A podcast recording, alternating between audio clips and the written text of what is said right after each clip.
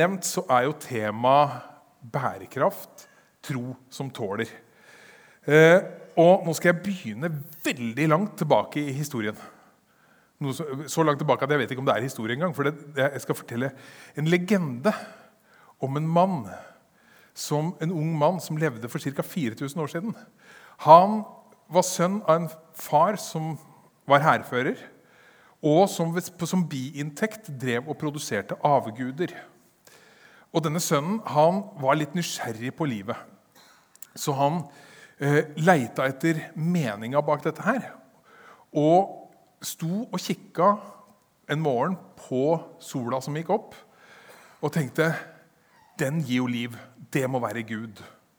Og så oppdaga han når sola gikk ned, at eh, nei, den kom og gikk. Månen kom opp. Kanskje det er Gud? Nei, den kom og gikk. Og så, og så skjønte han etter hvert at her er det jo noe som er underlagt noen lover. Altså, Døgnet går hele tida. Det må være noen som har laga de lovene. Jeg må finne ut hvem det er.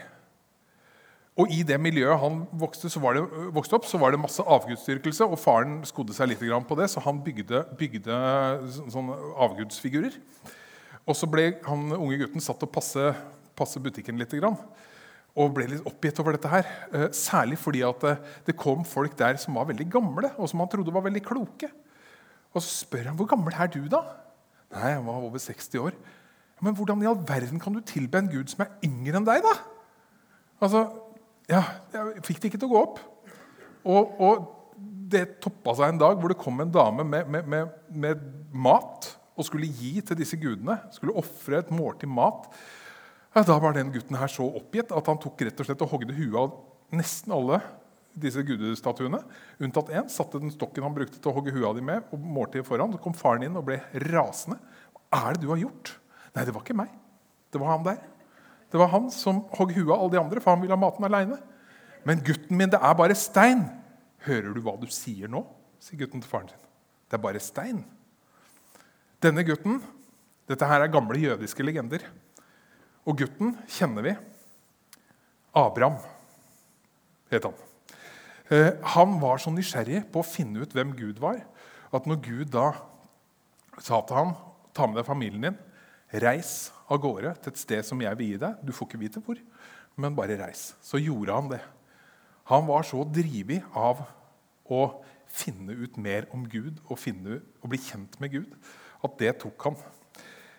Det er mange måter å nærme, tilnærme seg Gud på.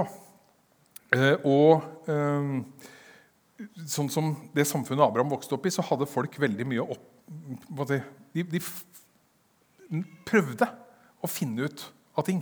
Lagde seg avgudsbilder, lagde seg systemer osv. Og, så og sånn er det i dag òg, er ikke det? da? Altså, jeg vet ikke om noen av dere har fått spørsmål hvordan kan du tro på en god Gud når det er så mye vondt i verden. Klassisk spørsmål. Ja, hvordan kan jeg det? Altså, det er jo et spørsmål som gir absolutt mening uh, hvis du bare ser deg rundt. Uh, og så har jeg fått høre hvis de kristne ikke er bedre enn det der, da gidder ikke jeg ha noe med Gud å gjøre. Ja, Det er søren meg sant, det òg. Eh, altså, uh, så, så, så, mange gode grunner til å holde Gud litt på avstand. Er det ikke det? Og så er det noen som har litt mer nysgjerrig tilnærming til dette. her. Så Jeg fikk spørsmålet en gang av en dame får du noe hjelp av denne guden din. du da? Så jeg, ja, ja, det kan jo hende jeg får det. Men, men, men jeg trenger jo strengt tatt ikke mer hjelp enn deg. Så jeg bor i velferdssamfunn, og det funker greit. Ja, hvorfor er du kristen da? Nei, hvorfor er jeg kristen da? Det er jo fordi at, fordi at eh, jeg ja, Det er fordi at jeg tror at det som står i Bibelen, er sant.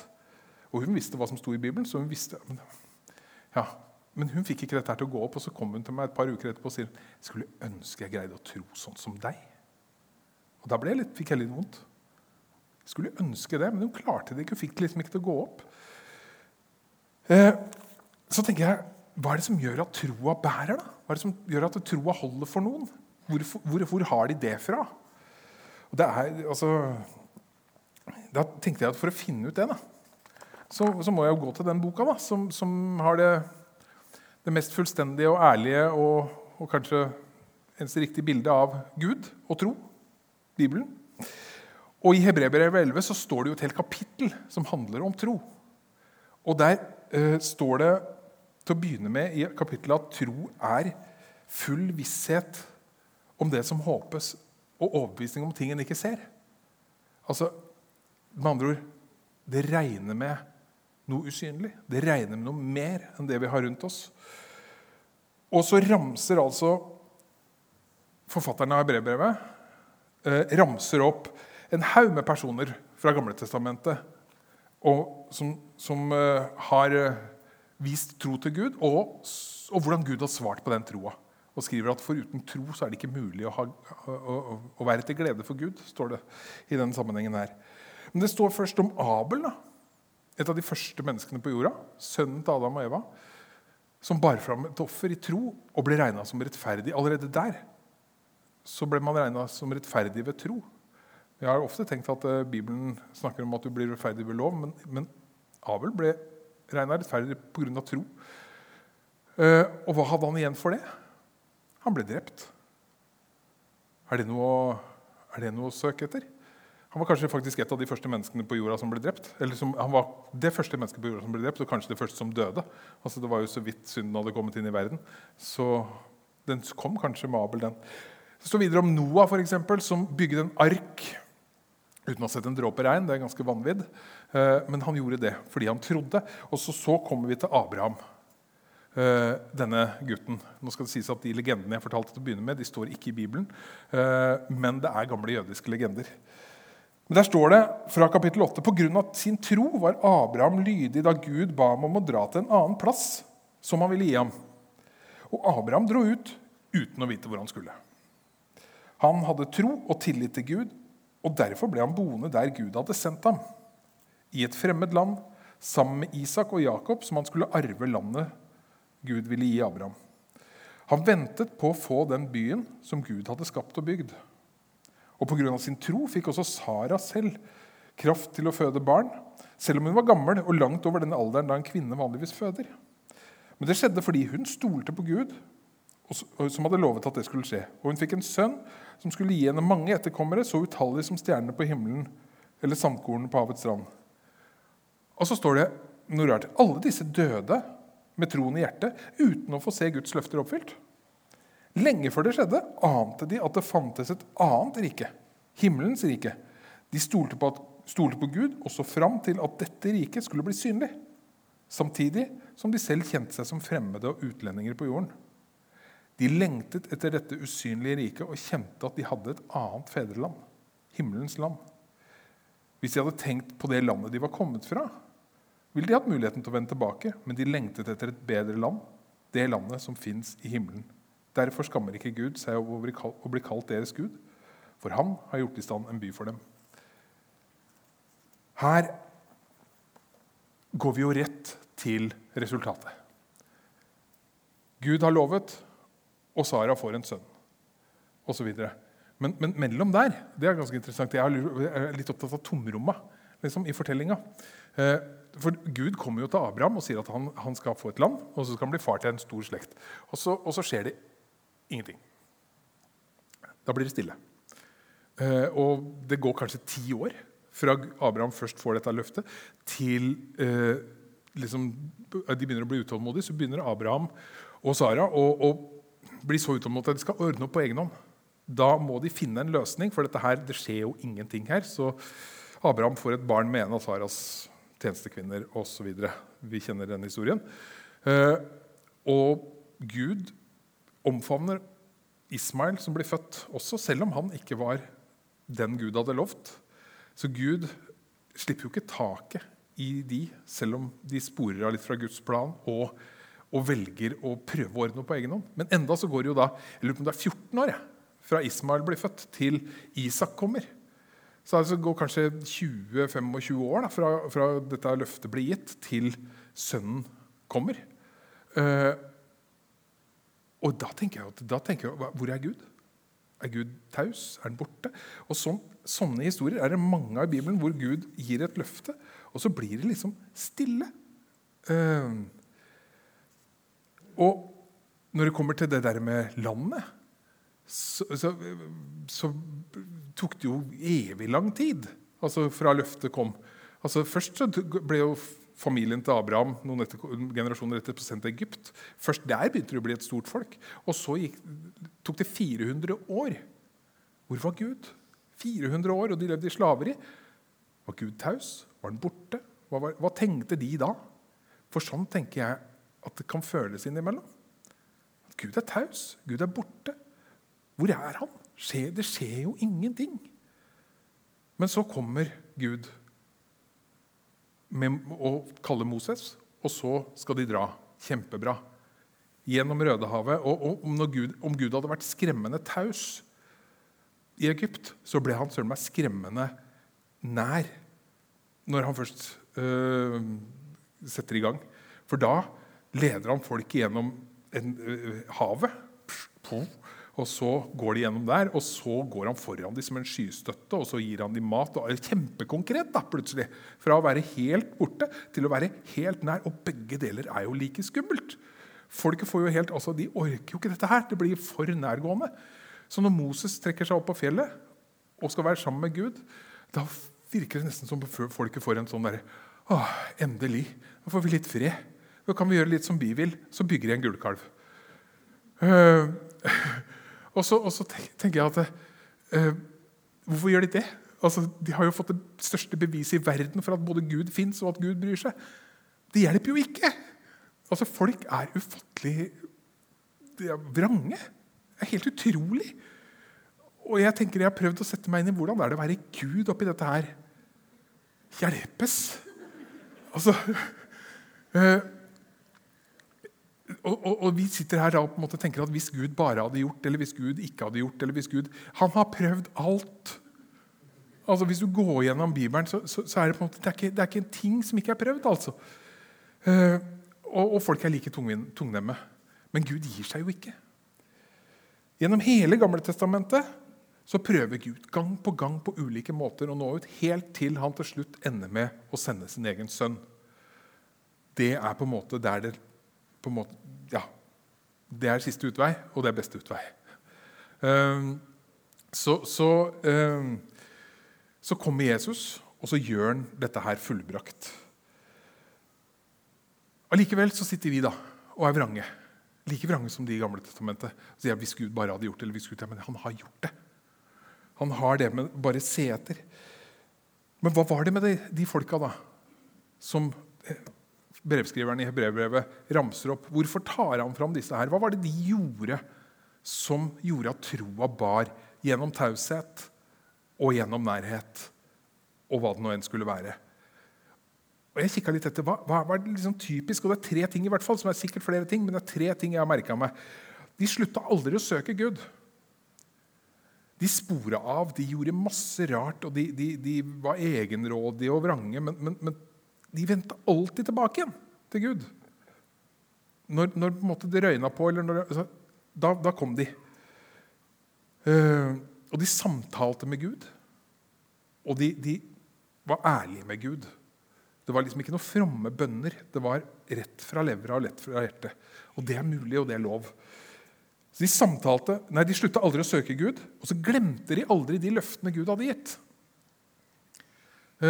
De huska på det Gud hadde sagt. Huska på hva Gud hadde gjort før. Fordi at de fleste av oss har antageligvis opplevd ting med Gud som er litt sånn uforklarligheter, eller som er litt spesielle. eller spesielle, og så og så på en måte glemmer vi det litt igjen. Vi, vi parkerer og så går vi videre. Men de tok fram de tinga, hva Gud hadde gjort før. og så tok de fram løftet for Gud. Det kan være lurt, for av og til så er det ikke bare vi som mister tålmodigheten med Gud, men Gud mister tålmodigheten med oss. Og for eksempel, da, når folka hadde laga den gullkalven Gud tenner i bånd, altså. Han, altså så, så han, han, sier til Moses skal ikke du blande deg i dette her. Og så sier han min vrede skal flamme opp mot dem og fortære dem. Eh, men, men du skal bli en stor slekt. Eh, da ba Moses om velvilje for Herren sin Guds ansikt og sa, 'Herre, hvorfor skal din vrede flamme opp mot folket ditt?' Veldig irriterende med sånne 'hvorfor det?'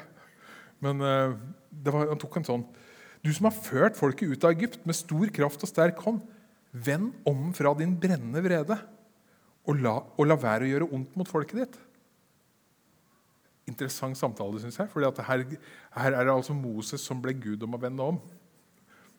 Det, det, er lov å være ærlig med Gud.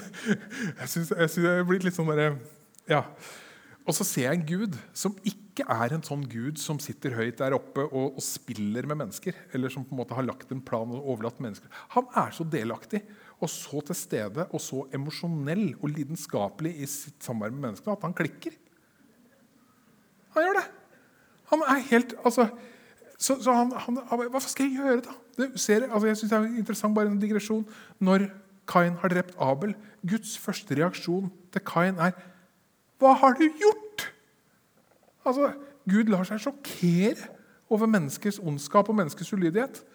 Han er ikke en sånn kontrollert figur som sitter og har full balanse hele tida. Han er med. Han lever med oss i alt det vi gjør. Så Moses ber for folket sitt og sier, 'Husk på dine tjenere Abraham, Isak og Israel.' Eller Jakob. da. Og det du sa til dem da du sverget ved deg selv, 'Jeg vil gjøre deres ett like tallrik som stjernene på himmelen,' 'og hele dette landet som jeg har talt om, vil jeg gi deres ett.' Han minner Gud om hva Gud har lovt, og ber for folket sitt. Og Gud lytter til det. Den relasjonen er altså helt formidabel. Så tett og så nær kan vi være med universets skaper og herre. Fantastisk. Eh, så de vender alltid tilbake til Gud. Og så husker de på løftene og husker på hva Gud har gjort, og minner Gud på det. Og så gjør de en ting til, og det er at de ser framover. Langt framover. Fordi selv om tider hvor Gud virker taus, så regner de med at løftene vil gå i oppfyllelse. Det er et eller annet under her som de har erfart. Fordi at Når du kommer så tett inn på Gud, så blir du langsomt mer og mer og mer kjent med Gud, og så skjønner du mer og mer og mer av hva Gud vil. Og da begynner du å se planen bak det hele. Og så vet de at dette her har en ende. Vi er ikke ferdig. Historien slutter ikke her. Den fortsetter. Sant? Eh, de så langt fram. Det er ikke en enkel øvelse. det altså. Noen ganger så blir vi så komfortable for eksempel, at vi er veldig fornøyd med her og nå. Og er det én ting Gud ikke har gitt i sine løfter, det må jeg bare si, så er det komfort. Eh, det er sånn, Han har lovt utrolig mye, men ikke det. Eh, Artisten Vinni imponerte meg litt. Han, han, han er med i Skal vi danse nå, før det som var med i Kompani Lauritzen. Jeg hadde ikke orka. Men han fikk spørsmål i hvert fall om hvorfor, hvorfor driver du og pusher den komfortsona di hele tida. Hvorfor, hvorfor, må du ut av den? Ja, det sier seg litt sjøl, sier han. litt sånn der, Han er jo litt cocky. Det ligger jo i navnet. Det er jo komfortabelt, men det skjer jo overhodet ingenting der. Og det er sant, det. Det skjer ingenting i komfortsona. Uh, så, så det, og det, det, som var kjennetegnet disse trosheltene, at de var i bevegelse, de flytta på seg. De blei ikke der de var, sånn at de ble så komfortable at de, de glemte å se utover seg sjøl. Eh, så Gud har lovt oss fred, han har lovt oss frihet, evig liv. Han har lovt at vi får svar når vi ber, og han har lov å være med oss alle dager og ikke slippe oss og ikke svikte oss. og nå siterer jeg fritt, Masse løfter som Gud har gitt. Han har også lovt at hvis vi blir i ham, så skal vi bære masse frukt. Men han har ikke lovt komfort. Nei. Eh, snarere tvert imot så lover han noe helt annet. Det er litt sånn ekkelt. Men han sier det at salige salig er dere når, dere når, de for min skyld håner dere, forfølger dere, lyver og snakker stygt om dere på alle vis. Gled og fry dere, for stor er den lønn dere har i himmelen. Ja, det har han lovt. Så, så, det er noe med hvilke forventninger har vi. da. Kanskje vi blir skuffa over Gud fordi vi forventer at det, det skal liksom bare gå på skinner. Men det gjorde ikke det for disse trosforbildene her. De gikk absolutt ikke på skinner. Ehm, de så langt fram og visste at det de måtte leve gjennom her, det var ikke slutten på fortellinga. Det kommer mer. Og de visste at det løftet ville bli oppfylt en gang der framme. De visste det som står i Johannes' åpenbaring, som er et av de fineste bibelversene jeg vet. Det er Guds bolig er hos menneskene. Han skal bo hos dem, og de skal være hans folk og Gud selv skal være hos dem. Han skal være deres Gud, og han skal tørke bort hver tåre fra deres øyne, og døden skal ikke være mer, ei heller sorg eller smerte eller skrik for det som en gang var, er borte. Helt fantastisk. Det er en nydelig beskrivelse av hvordan det skal bli der framme. Historien slutter ikke her. Den fortsetter dit. Men så er det sånn, da, for å være realist, at av og til så er lidelsene og utfordringene så store at de rammer troa på alvor. Det blir mørkt, og det blir for stille.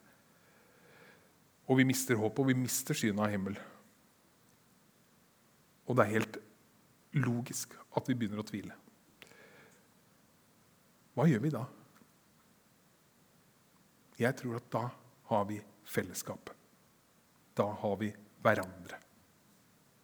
Fordi vi er ikke kalt til å bare vente på himmelen. Og vi er ikke kalt til komfort, men det vi er kalt til, er å bære hverandre. Bær hverandres byrder, står det. Om noen opplever at troa svikter, sorgen eller frykten tar overhånd, da skal vi bære hverandre. Fordi det handler om mer enn bare tro her og tro der. Det handler om å bruke kroppen også til å tro. Tro med hele seg. Fordi vi er skapt i Kristus Jesus til gode gjerninger som Gud på forhånd har lagt ferdig for at vi skulle gå inn i dem. Vi skal bruke hele oss. vi. For tro og gjerninger hører sammen som Jakob skriver, sett at en bror eller søster ikke har klær eller mangler mat for dagen, og en av dere sier til ham, 'Gå i fred, hold dere varme, spis dere mette', hva hjelper vel det? Uten at dere gir dem det kroppen trenger. Og Slik er det også med troen. I seg selv, uten gjerninger, er den død. Var det ikke pga. gjerninger at vår far Abraham ble kjent rettferdig da han bar fram Isak, sønnen sin, et, som offer på alteret? Slik kan du se at troen virker sammen med gjerningene hans. Og gjennom gjerningene blir troen fullendt. Så det å vende tilbake til Gud hele tiden, det å minne Gud om løftene og det å se langt fram, er kjempebra, samtidig som vi også skal leve troa gjennom gjerninger og gjennom å bære hverandre her nå. For det har også Gud kalt oss til. Og den første og viktigste personen vi kan ha som forbilde, gjorde alt dette sjøl. Når Gud på 100 000 forskjellige måter hadde kommet gjennom Gamletestamentet og prøvd å nærme seg menneskene, og kommer og sender Jesus, så går Gud sjøl hele den løypa før oss. Så han vet akkurat hva det er snakk om. Og det er ingen som har opplevd Gud mer fraværende og mer taus enn Jesus. Han hang på korset og Gud var borte. Min Gud, min Gud, hvorfor har du forlatt meg? Da var det mørkt. Jesus vet akkurat åssen det er å ikke få kontakt. Men historien slutter ikke der.